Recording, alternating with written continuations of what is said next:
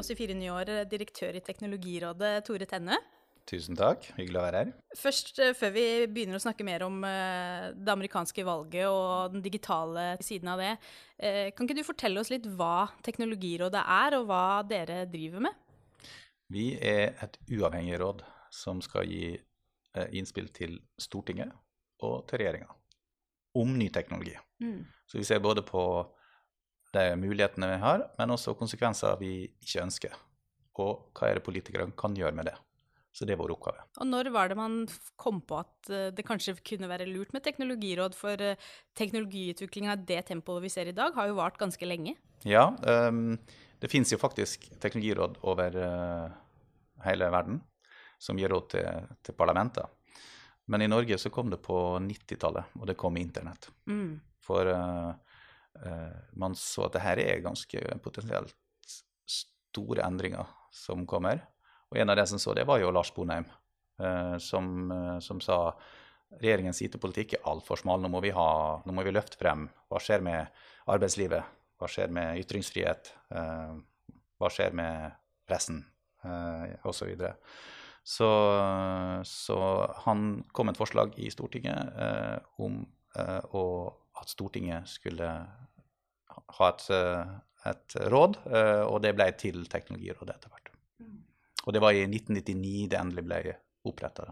Og, og, det vi skal snakke om i dag, med det amerikanske valg, eh, valget, og egentlig den teknologiutviklingen som har vært det siste tiåret når det knyttes til valg, tar jo egentlig innover i seg alle de tingene du snakket om nå, med medier, med ytringsfrihet, med demokrati.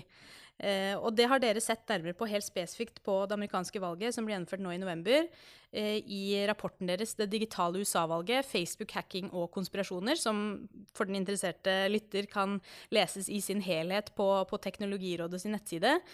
Eh, og det er veldig spennende lesning. Og jeg må også si at mitt inntrykk de siste tiåret, egentlig siden Obama eh, ble kjent verden over og kom opp som en kandidat, er at man hvert valg i USA har sagt dette er tidenes mest digitale valg. Nei, dette var det mest digitale valget.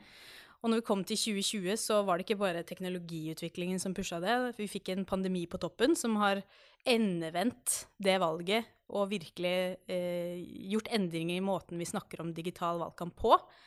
Hvordan har digitaliseringen påvirket uh, politiske valg de siste 10-15 årene? Ja, Vi kan jo gå tilbake til Obama ble valgt i 2008. Og da hadde jo iPhone kommet året før. En viktig teknologi. Som, uh, som, gjorde det mulig å organisere valgkampen på en annen måte. Uh, du kunne organisere såkalt canvassing, altså gå fra dør til dør. Hvem skulle gå hvor? Eh, hva er skriptet du skal bruke? Hvor er det vi må dekke opp spesielt? Og så videre. så, det, så først, først, så ble det brukt som et organisatorisk verktøy. Um, 2012, da hadde Facebook blitt litt større. Uh, så da begynte man å se at ja, men her kan vi faktisk persontilpasse litt. Uh, her kan vi lage skript når du skal gå og snakke med noen, som passer til den personen. Og du kan uh, prøve å engasjere flere der. Så da, da så vi begynnelsen på det vi, vi, har sett i full blomst nå. Men 2016-valget, det er game changeren. For da er det veldig mange som er på Facebook, på Twitter, uh, på andre sosiale medier. Og uh, Facebook hadde utvikla veldig avanserte verktøy som du kan bruke til det som kalles mikromålretting.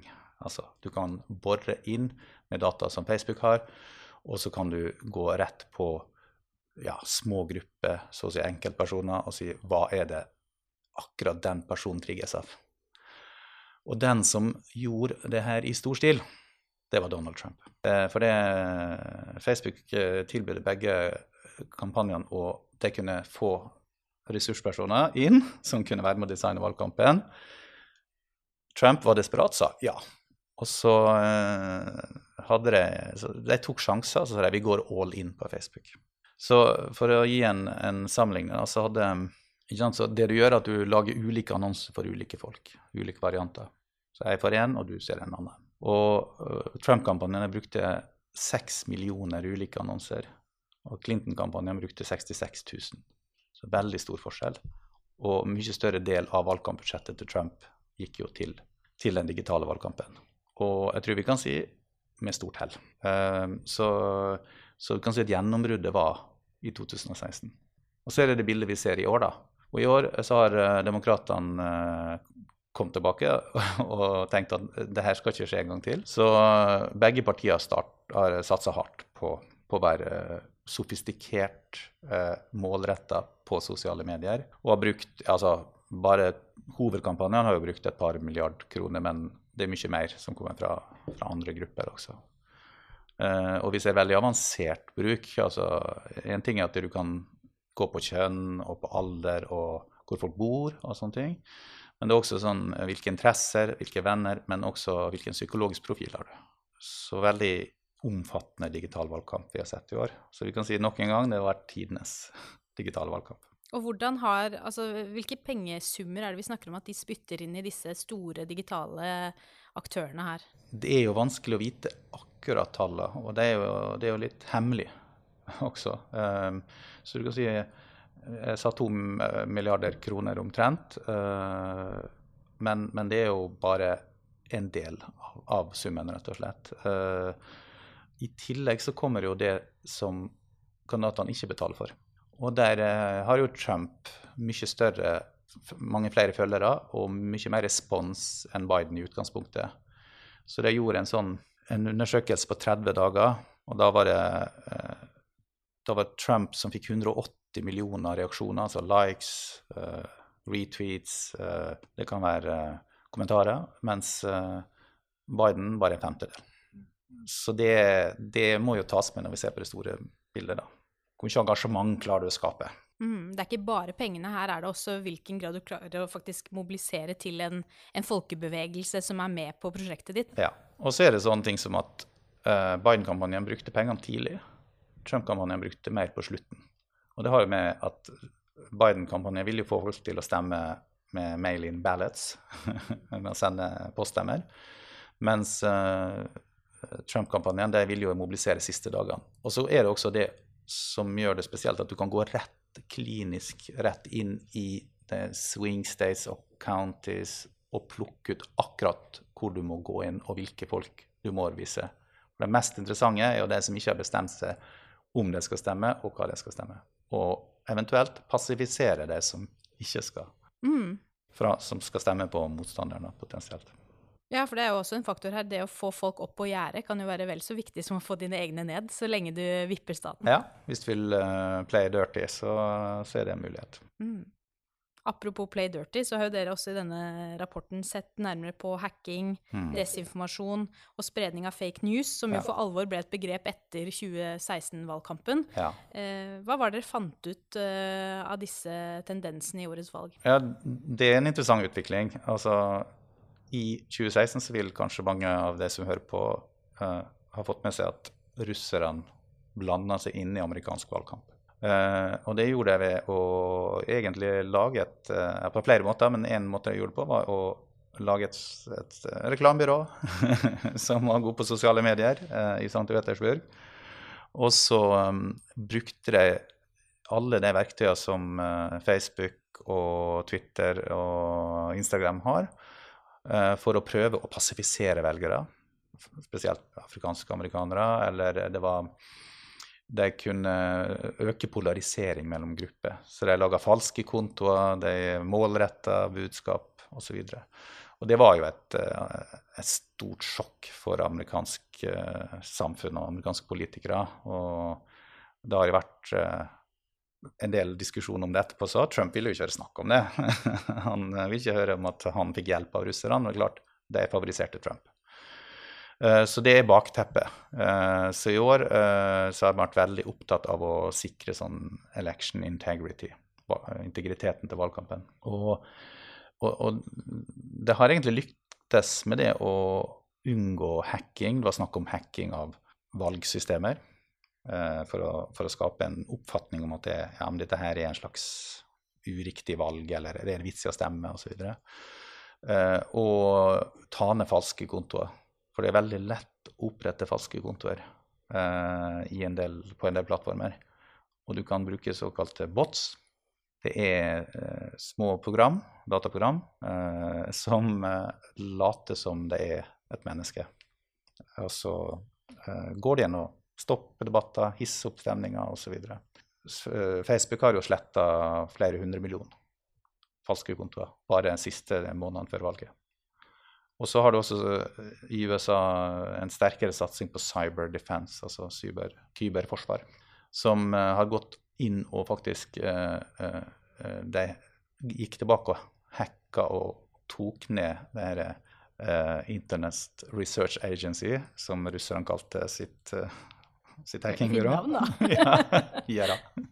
Og så um, gikk det også og tok ned en del sånne ja, bot-nettverk som, som kaprer maskiner og prøver å sette datasystemer ut av spill. Så de var aktive, veldig på vakt, og lyktes. Så vi har ikke sett så mye problemer med akkurat uh, la oss si russerne og kanskje kineserne eller iranerne uh, i den uh, valget her, som vi har sett noen tenkte det. Men det var mye desinformasjon, og den kom innifra. Og det, det, er jo slik at du har jo hatt, eller du har fortsatt, en president i USA som står for mye feilinformasjon. Så en undersøkelse var gjort eh, knytta til pandemien, så viste det at eh, 37 av spredninga av, av eh, feilinformasjon kunne spores tilbake til Trump, man nevnte Trump osv. Klart han har hatt en enorm effekt. Og eh, du ser også det at uh, på studier så ser du at uh, det er et mønster i hvem som følger Trump og retweeter og reagerer på det. Som ikke sant, for eksempel ser at rekkefølge av hvem som liker det eller retweeter eller reagerer på det, er helt den samme, den samme tid mellom hver gang. Så da her er et mønster, og da tyder det på at det er automatisert. Mm. 20% av så feilinformasjon og uh, den si, forsterkinga av feilinformasjon om valgfusk eller om, om, valgintegritet, det var bots. Mm. sånn automatisert. Og var knytta til, til, Trump da, og hans noen nøkkelpersoner rundt ham. Um, så det har det vært. Så kanskje russerne har tenkt sånn vi trenger ikke intervenere her, egentlig. For når du har en president som helt fra starten uh, sier at dette her er kanskje et fake election, så uh, blir jo jobben gjort for oss. Da underminerer demokratiet, du skaper forvirring, og det er jo et av målene til, til uh, Russland. Men denne spredningen av desinformasjon, hva kan være Har vi noen eksempler på hva som er den ytterste konsekvensen av det? Av det mest autorerte eksempelet vil jeg si er QAnon, som er en konspirasjonsteori. Den, den påstår at det, eh, det, er noen ting som er skjult for oss, eh, som styrer verden. Og eh, mektige krefter eh, er på, på, gang her. Og, og den QAnon er jo helt spinnvill. Teorien er at du har en, eh, en, såkalt deep state. Det er noen som sitter bak og styrer, og det er demokrater i det QAnon-teorien, som, eh, som, er faktisk pedofile satanister. Uh, Ofre barn, blant annet. Og um, så fungerer det slik, det er helt integrert i slik sosiale medier fungerer, at det kommer noen sånne drops, små signal fra en insider som heter Q. Og Q er sånn er den høyeste sikkerhetsklareringa du får i atomspørsmål. Så det er en som insider som da forteller om eh, hvordan eh, man jobber bak i kulissene her med sin onde agenda for å hindre Trump. Så kommer det sånne små spor da, til eh, sånne drops som forteller eh, hva som skjer nå. Og når eh, Facebook begynte å rydde opp i det her, så så det det var grupper med tre til fire millioner medlemmer Altså 20 av det var bots, men likevel. Og det at du kan få en sånn spredning, og til og med en, en, en representant i eh, republikansk representant i Representantens hus jeg eh, går på sånn QAnon-plattform, at det kan mobilisere så mye, at det kan få en så stor spredning, og at du faktisk har spørreundersøkelser av uh, republikanske velgere som sier at uh, 50% mener at det er noe sant i det her. Altså, Forløperen til det her er såkalte Pizzagate. Da, I 2016 var det en som tok geværet sitt, dro til Washington DC, til en restaurant og sa jeg skal inn, jeg skal inn og redde de barna som er i kjelleren her. Fordi Hillary hadde tatt uh, dem til fange. Så uh, I den restauranten så var det vel heller ingen kjeller, viste det seg? Nei. Slik? det var ikke sant. Det var ingen, ingen sammenheng med, med, virkeligheten. Men det viser jo at, hvor stor kraft sosiale medier har uh, for å forme virkelighetsoppfatninga til folk. da. Så er det jo, det her er jo stort også fordi det har et slags, sånn, det har et slags rollespill i virkelighetens verden element i seg. Du, får, du, finne, du får små spor, og så skal du finne ut hva er det som skjer her. Så har du teorier, diskusjonsgrupper og sånne ting. Så noen syns nok det er ganske gøy. Men det er gjort, um, altså gjort studier nå knytta til pandemien også. Og der har det vært masse desinformasjon. Man kaller det ikke bare en pandemic, man kaller det også en infodemic. Og uh, vi har hatt en enorm flom av feilinformasjon knytta til vaksiner, knytta til hvor den kommer fra, hva du kan gjøre, at kokain skal hjelpe, eller at du skal drikke klor. Si. Så det, det Klart, du har jo også hatt Donald Trump som en av de som har pusha noen av de feile teoriene da. Dette var jo sånn valgkamprelaterte temaer som hadde stor andel feilinformasjon, fordi noen trodde feil, men noen var helt bevisst på at her skal vi spre mest mulig uh, fake news. da. Spre mest mulig forvirring? Mest mulig forvirring, underbygge tillit, deaktivere folk. Så, og det får bein å gå på, for det skaper engasjement uh, i, uh, i, sosiale medier. Ja, altså, de, de virkemidlene de bruker, er jo egentlig eldgamle før teknologien. Altså man bruker splitt og hersk. Man bruker forvirring. Eh, og som du sier, så har USA jobbet med å, å bygge cyberforsvaret sitt. Men, men, informasjon på internett er jo per definisjon eh, grenseløs i dag. Vi lever i en fullintegrert verden der som ja, Informasjonen stopper ikke på grensa. Er det noe en nasjon kan eh, forsvare seg mot? Er det noen sjanse for det i dag? Ja, du kan si at teknologien, digital teknologi er fantastisk. Det gjør jo ting billig og lett å gjøre. Så med relativt små ressurser og små sjanser for å bli tatt, så kan du prøve å ja, ødelegge, underminere et valg. Så sånn sett så har man en vanskelig oppgave. Men det er jo mulig. Så det ene er jo, som amerikanerne har gjort, ikke sant? Du, du, selskap som Facebook, men også myndighetene, det er å gå, gå på det teknologisk som en krig tilbake. da. Men det andre er jo å ha et psykologisk forsvar og ha en bevissthet om det. Dette her stemmer ikke vi lar ikke oss uh, lure med på den polariseringa som skjer her. hvor vi vet at det, det fins folk som kan og vil gjøre noe med det. Så du har sånn, et psykologisk forsvar, som de kaller det i Sverige. da. Så, så det er en beredskap. Og la meg ta et eksempel da, som er ganske interessant. og det er jo fra, fra, egentlig fra forrige valgkamp i USA, så hadde du en, en hackingoperasjon fra russerne som hacka Det demokratiske partiet alle e-postene til John Podesta, som var valgkampgeneralen til Hillary Clinton. Og det ble lekka gjennom Wikileaks, men også noe DC Leaks. Eh, men veldig målretta rett før den demokratiske convention, altså landsmøtet. landsmøte. Og det var to effekter av det. Det ene var jo at det, eh, den kom med informasjon om ja, hadde jeg, hvordan hadde jeg vurdert uh, Bernie? eh, hvordan vurderte jeg Hillary? Eh, det skapte mye uro. Eh, altså Bernie Sanders sine tilhengere de ble jo forbanna. så det ble bråk på landsmøtet.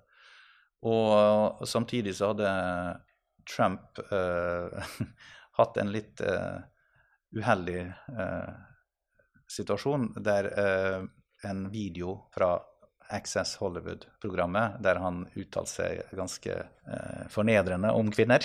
Eh, og hvordan han brukte å sjekke opp damer. Det var jo en stor sak som ble da tatt over av alle lekkasjene om demokratiske partiet. Eh, så klart, det her var en veldig effektiv strategi fra de som ville det. Mm. vondt. I år så prøvde man på det samme. Det var en, en PC som visstnok en harddisk som var inne til reparasjon, som mystisk dukka opp. Som det sa, var da eh, harddisken til Hunter Biden. Og der fantes det kompromitterende materiale. Der eh, det handla om at Joe Biden, altså det faren til Hunter Biden, var involvert i Altså var, var brukt for å tjene penger i med lyssky forretninger for uh, Hunter Biden i Kina, men også i Ukraina. De prøvde å klistre en skandale til Joe Biden. Den saken ble ikke tatt av de store mediene, utenom Fox News. Wall Street sa vi, vi, vi, her er, vi vil ha tilgang til all dokumentasjoner. Vi skjønner ikke hvor det kommer fra.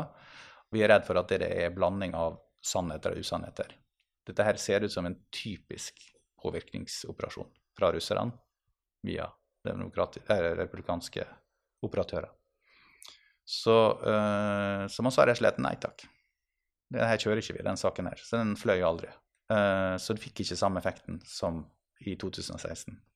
Og det kan man jo spekulere i når Stortinget blir hacka, da. Mm.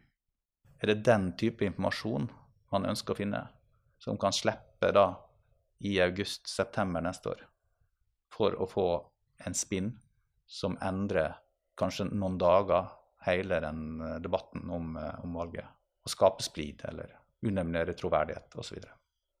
Ja, for den, den hackingen av Stortinget den gikk jo veldig målretta mot e-postkontoer. Eh, rammet eh, flere som sitter i forsvarskomiteen, Mm. forsvars- og utenrikskomiteen. Vi vet jo ikke hva slags informasjon de har fått tak i. Eh, og vi vet heller ikke Det har jo ikke vært noe, noe som har vært lekka i tilfelle enda. Eh, men er det sånn at også dette er informasjon som i ytterste konsekvens kan havne som et tips i et norsk mediehus, og også havne i avisen rett før et valg, uten at man skjønner at dette er resultat av en hacking av Stortinget vårt? Ja, det kan skje. Og det var jo forsøkt med Macron også. At han hadde utenlandske kontoer osv. Eh, rett før valget. Da sa franske medier at de ikke tok det. Så her er et ansvar for mediene også. Altså hvor kommer det fra? Hvem, hvem har interesse av dette? Og klarer vi å skille me mellom hva som er fake news og hva som er riktig? For det er alltid en blanding for å øke troverdigheten. Så det er sånn, så det er det der kaller man steal and leak. Eh, eller unnskyld, hack and leak. Men jeg kalte det stjel og lekk, eh, vil jeg kalle det. Eh, så man stjeler informasjon, og så lekker man det på et eh, riktig tidspunkt, og så til akkurat til riktige medier, f.eks. Så det Der er det der er det noen som har viktig ansvar for å vurdere det, da, og kompetanse til det. det, har jo vært forsøk i Norge også, men det har jo ikke vært i den skalaen som man har opplevd i USA. Eh, Men har vi blitt litt naive her i Norge mm, på, på hvordan vi skal møte dette her, og hva teknologien faktisk kan brukes og misbrukes til å gjøre? Jeg vet ikke om vi er naive, men vi har ikke opplevd kanskje en sånn type skandale ennå. Så ofte så lærer man av det. Eh, Sånn er det jo med beredskap. er jo litt sånn kjedelig arbeid. Du, eh, har du gjort jobben din, så har ikke det skjedd noe. Men vi er, det er ikke sikkert vi har forstått godt nok hvor enkelt, billig det er, og hvor utsatt vi kan være for sånne kapringer av offentligheten. Hvordan er det mm, både medier og politikere, men også den enkelte borger skal forholde seg til dette her, nå som vi også går inn i et valgår i Norge? Um, ja, Det er jo to forskjellige spørsmål vi diskuterer. ikke sant? Det ene er jo um, hvor stor grad skal uh, Venstre og andre partier bruke alle triks i boka til Facebook? um, og hvor mye skal, hvordan skal vi håndtere utenforstående aktører, andre land, som ønsker å påvirke valget? Um, så vi kan ta det første først. Mm. Der tror jeg det, det er viktig at man spiller med åpne kort. Jeg synes at egentlig så kunne partiene blitt enige om spilleregler seg imellom og si greit, vi, vi har full åpenhet om hvilke verktøy vi bruker, eller detaljene skal vi i hvert fall fortelle om etterpå, Mm. sånn at vi kan gjøre en revisjon av det og se hvordan det har påvirka. Uh, kanskje skal vi ha en handlingsregel for eh, hvor mye penger vi skal bruke på dette her. Og så kunne man sagt vi driver ikke på med mikromålretning. Vi borer ikke. Det er grenser for hvor mye vi skal bore når det gjelder betalt innhold. Så kunne det være også at det, vi, har ikke, vi har en valgkampstillhet, kunne vært. Eh, siste uka før valget, f.eks. At da dropper man reklamene. Kan jo diskutere om Altså, vi har jo ikke politisk reklame på TV. Hvorfor skal vi være fritt frem på sosiale medier? Som vi vet er veldig virkningsfulle reklamer hvis den, hvis den brukes uh, si, riktig. Mm. Når det gjelder utenlandske operasjoner, så er det jo slik at uh, ja, vi må Jeg tror sånne lekkasjer skal møte med sunn skepsis. Og både for mediene og for andre så altså, vi har litt sjøldisiplin på det. Hvor kommer det fra? Henger det sammen? Hvem har hatt interesse for å gjøre det der akkurat nå? Og hvis, vi, hvis det lukter dårlig, da snakker ikke vi mer om det. Mark Zuckerberg jo, har jo måttet de siste årene svare for seg etter 2016-valgkampen. Det var kanskje en øyeåpner i 2016 virkelig hvordan, hvordan disse store teknologiplattformene faktisk ikke kan skyve en nøytralitet foran seg fordi de ikke er nøytrale. Algoritmene vil flytte makt fra de gamle, tradisjonelle mediene. Uh, og han har jo flere ganger, men det er også Twitter, måtte svare for sin, sine rolle og hvilke tiltak de gjør. Og i 20, 2020 så, så, gjorde jo de aktive grep og gikk faktisk inn og merket ulike poster, også fra den amerikanske presidenten, at dette her er ikke legitimert informasjon. Bidrar ikke dette til å også begrense ytringsfriheten på, på de plattformene når de da går inn og blander seg i det som skrives? Det er jo litt av liksom, det fantastiske med disse plattformene, at de gir flere en kanal å, å si sin mening på. Ja. Um, Twitter var tidlig ute. Um, og det sa at vi skal ikke ha politisk, politiske annonser på Twitter. Det var i fjor på den tida her. Og i forhold til ytringsfrihetsdiskusjon så sa da Jack Dorsey, som er, som er grunnleggeren av Twitter og eier en del av det, Sånn at eh, det her er ikke et ytringsfrihetsspørsmål, for det, eh, vi snakker, altså, alle kan få god spredning, men det vi går etter, det er den betalte spredninga. Og det er ikke en ytringsfrihetsrett nødvendigvis. Eh, så kom Facebook etter. De sa at ei uke før valget så var ikke lov å kjøpe flere politiske annonser. Eh, så de stoppa det der. Men det satt lenger inne. Så er det mm, så er det om du skal gå inn og merke innhold. Der var Twitter tidligere ute, men Facebook eh, altså, Det var en omstridt episode, jeg tror det var i mai-juni, der Trump sa when the looting start, the shooting starts. Altså hvis eh, folk begynner å eh, gå ut i eh, gatene, og vi ser at eh, på demonstrasjoner, at det skjer noe, f.eks. bryter inn en butikk eller noe sånt, så sender vi inn væpna SWAT-teams eller politi, eller kanskje militæret. Det, det, hadde også en sånn historisk resonansbunn der. Eh, og da eh, var spørsmålet skal du, skal du sensurere det her. Er det en oppfordring til vold? Er det, er det innafor å begrense det? Så da sa Zuckerberg nei. Nei, dette tillater vi. Det, var, det vakte mye opprør internt i Facebook også. Eh, men så har de begynt å merke innhold. og det kan gjøre flere ting. da. Du kan merke det, eh, si at det her er, det her er ikke verifisert, eh, det, her kan, det her kan være feil. Eller du kan begynne å skru litt på algoritmene. Du kan, det som er med Facebook eh, og Twitter og, det, og sosiale medier, er at det, det er jo ikke bare trofaste postmenn eller postkvinner eh, som leverer eh, meldinga di, eh, og så legger dere ut uten å gjøre noe. De sorterer, de skrur opp og ned hastigheten, de prøver å få mest mulig engasjement og reaksjoner. Da kunne jeg skru ned litt hvor mye de prioriterte visse typer temaer. Og, heller, og visse typer kilder kunne skrus opp.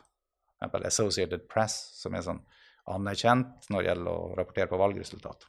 Men uh, Facebook uh, og Twitter de, de merka spesielt det som gjaldt valgfjusk, valgintegritet.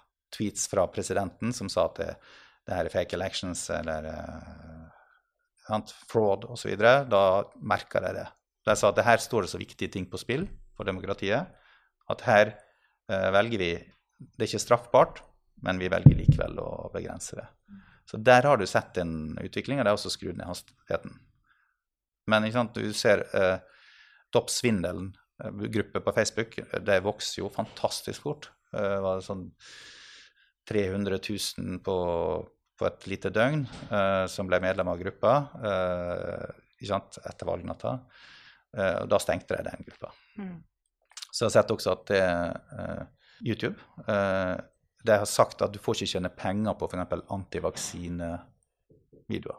Og da, da, stopper du på en måte litt veksten i, i den type uh, og, og, det er jo interessant fordi veldig mye av det du ser på, Facebook, nei, på YouTube, det er jo anbefalt. 70 av, av alle videoer er jo sett på, på anbefaling fra algoritmene. Så klart det virker jo når de endrer på det. Mm. Så du kan si det har vært en glidning, men både Facebook, Twitter, Google, YouTube har gått lenger enn de har gjort før. Og de er veldig opptatt av å unngå den situasjonen, den, den på en måte omdømmefallet og problemet det havna i etter 2016. Eh, og så skal det jo sies at eh, også vi som jobber med politisk kommunikasjon, disse kanalene som et politisk parti, ja. ser jo også hvordan dette har endret seg veldig mye til det positive eh, på få år. Eh, bare fra 2017-valgkampen her hjemme i Norge så ser vi hvordan eh, Facebook nå merker annonser. sånn at hvis du får opp en annonse i feeden din, så kan du se hvem som har betalt den. Eh, hvis Jonas Gahr Støre har en annonse, så ser du at den er det Arbeiderpartiet som har betalt for. Det er ikke en annen eh, bakmann her som har betalt for det. Eh, og så man kan jo se eh, også partiregnskaper eh, og offentlig i Norge, se hvem som har gitt bidrag til de ulike valgkampene. Men du kan også se hvordan de har målretta den mot deg. Du kan gå opp i hjørnet på den annonsen og se mm. hvorfor får jeg se dette her. Mm. Jo, fordi i mitt tilfelle, da, ikke sant, mm. sjekker inn på noen bokser i at jeg er kvinne 29 som bor i Oslo, har studert sånn og sånn. Men for politiske partier i Europa så har vi også et mye strengere eh, lovverk å forholde seg til enn det de amerikanske har, med GDPR som EU har, har uh, vedtatt, så sitter jo partiene på mye mindre data. Det er annerledes i USA. Mm. Der sitter de på mer. Ja, de sitter på mer. De vet jo hva du er registrert hvilke partier du er registrert på som velger. Er liksom demokrat eller republikaner eller uavhengig. Så du kan uh, bruke det i målrettinga di. Så det som er interessant med USA-valget, er både at uh, det er jo mer polarisert i utgangspunktet. Det er jo to partier som står mot hverandre. Det er, har vært mye mer liberal bruk av data. Mm. Uh, og du har de største plattformene holde til i USA. Um, det er en slags test på hvordan det kan være, da. Hvordan utvikling Hvor langt det kan gå. Du har også sett en stor mobilisering før valget nå. Det er mange som har stemt. Mm. Mer enn noen gang. Mer enn noen gang. Og da kan jeg si um, er det at du kunne stemme med poststemmer, eller har sosiale medier vært viktig? Og det som har vært litt interessant i det valget, er at SMS eh, er tilbake. Det har vært sendt milliarder av SMS-er, eh, men også gjennom egne apper for partier. Så, eller eh, Vote Joe osv. Og, og Trumps app. Så har du kunnet fått folk til å sende tekstmeldinger til hverandre. Og tekstmeldinger, det åpner folk. Mm. 90% av tekstmeldingene åpnes uh, veldig kjapt. Um, og klart kommer det fra en venn, har du større, større troverdighet. Så hjelper denne appen til å sortere hvilke venner som, som, du bør påvirke. Da. Ja, for det var vel sånn med den Vote Joe-appen at da, hvis du laster ned den, så, så, gir du den tilgang til adresselista di, og så sjekker den opp mot demokratenes database. Er dette noen som noen andre har sendt melding til? Nei, her mm. er det ti stykker som du bør ha, ha godt grunnlag for å sende SMS til. Og som bor i en uh, swing state og kanskje der og der. Og her er en forslag til en tilpassa melding. Så Det minner jo litt om det Obama drev på med også mm. uh, tidligere. Men uh, Så du kan ikke se bort fra at det sosiale medier og teknologien her, inkludert SMS, har bidratt til en mobilisering. Mm. Selv om det har vært et spesielt valg, da. Mm. Ja, men det, det, kan jo også være en selvforsterkende effekt der, i og med at uh, altså slik måte å bruke andres data på kunne vi jo ikke gjort i Norge. Nei. Det hadde jo vært uh, utenfor alle personvernlovgivninger som vi forholder oss til her. Det at uh, enkelt, en enkelt borger kunne laste opp masse av andre personers telefonnummer til, en, til et parti, det, det, ville vi ikke kunne gjort her. Men det er også Partiene de fòrer jo da også Facebook med den dataen de sitter med, sånn at Facebook sitter med mer informasjon, som de igjen kan bruke til at partiet kan spre informasjon. Og slik så bidrar jo også de politiske partiene der borte til å gjøre Facebook da til den kunnskapsmaskinen som det er. Hver eneste annonsør gjør jo det. Ja, altså, du, du, kan laste opp eh, en del potensielle venstrevelgere, sånn som du ser det. Og så får du Så her er en gruppe på 1000 stykker som vi vet eh, kan stemme Venstre, og kanskje stemme Venstre. Kan du finne noen som ligner på det? Mm. Sier du til Facebook. Og da gjør de det. Sånn skygge- eller speilpublikum. da. Så da, da da gjør de den jobben. Og da går du mye lenger enn du kan gjøre utafor Facebook mm. i å målrette det. Um, så det, ja, jeg skjønner godt det er fristende å bruke det. Så må vi tenke hvor langt vil vi gå i, i den påvirkninga. Hvor subtil skal den være? Og skal du også gå med sånn personlighetsprofil? Mm. Engstelige folk, da trigger du frykten. Eh, hvis det ikke stemmer venstre, så går det sånn og sånn, osv. Og, uh, og da er du inne i et sånt da er det et stykke borte fra det idealet vi har for demokrati, at det skal være en åpen debatt mellom parti, som er opplysende, og så skal vi ta et valg på bakgrunn av det. Mm. Da begynner du liksom å psykologisk lure folk litt, da. Så det er manipulering. Det er jo det Facebook er bygd på, veldig sofistikert manipulering av oss for å få oss til å engasjere oss. Så det er derfor det, jeg tror det er viktig at partiene rett og slett i tillegg til å følge lovverket, syns jeg kunne blitt enige om hva er spillereglene vi ønsker å følge her. Sånn at vi ikke får en sånn race to the bottom. Men for også å se en annen side av det, at vi snakker jo veldig mye om sosiale medier eh, aleine når vi snakker om dette her. Eh, men klarer vi, og kan vi egentlig i 2020 se dette helt løsrevet fra andre kommunikasjonskanaler som mediene? For jeg husker da jeg studerte medievitenskap i 2013-2015, så var det veldig mange som studerte den arabiske våren ja. og sosiale mediebruken der. Fordi det var jo en utrolig sånn grasrotkraft som kom, og et, uh, protester i land etter land etter land, som ofte ble drevet fram i sosiale medier. Informasjon som tidligere ikke var kommet fram, ble publisert med videomateriale på, på Twitter osv. Og, så og du kunne også sitte i London og, og mobilisere en, uh, en, demonstrasjon i Egypt. Men eh, det veldig mange pekte på ettertid, var jo at hadde det ikke vært for Al Jazeera som faktisk kringkastet den informasjonen der, så hadde jo det ikke kommet frem til massene. For du og jeg kan jo lage hver vår profil på Twitter, men det garanterer jo ikke at vi når noe mer enn et par-ti stykker. Hva er medienes ansvar oppi det her til å forholde seg også til den informasjonsflyten som kommer fra sosiale medier? For det er en utrolig viktig kilde for mediene. Absolutt, og i utgangspunktet så er jo Internett og sosiale medier er jo demokratiserende. Du sitter og publiserer innhold sjøl, og det er, det er, veldig lav terskel for det. Og du kan ytre det. Så det, jo, det, det har vært veldig stor optimisme rundt det, og det er jo berettiget også.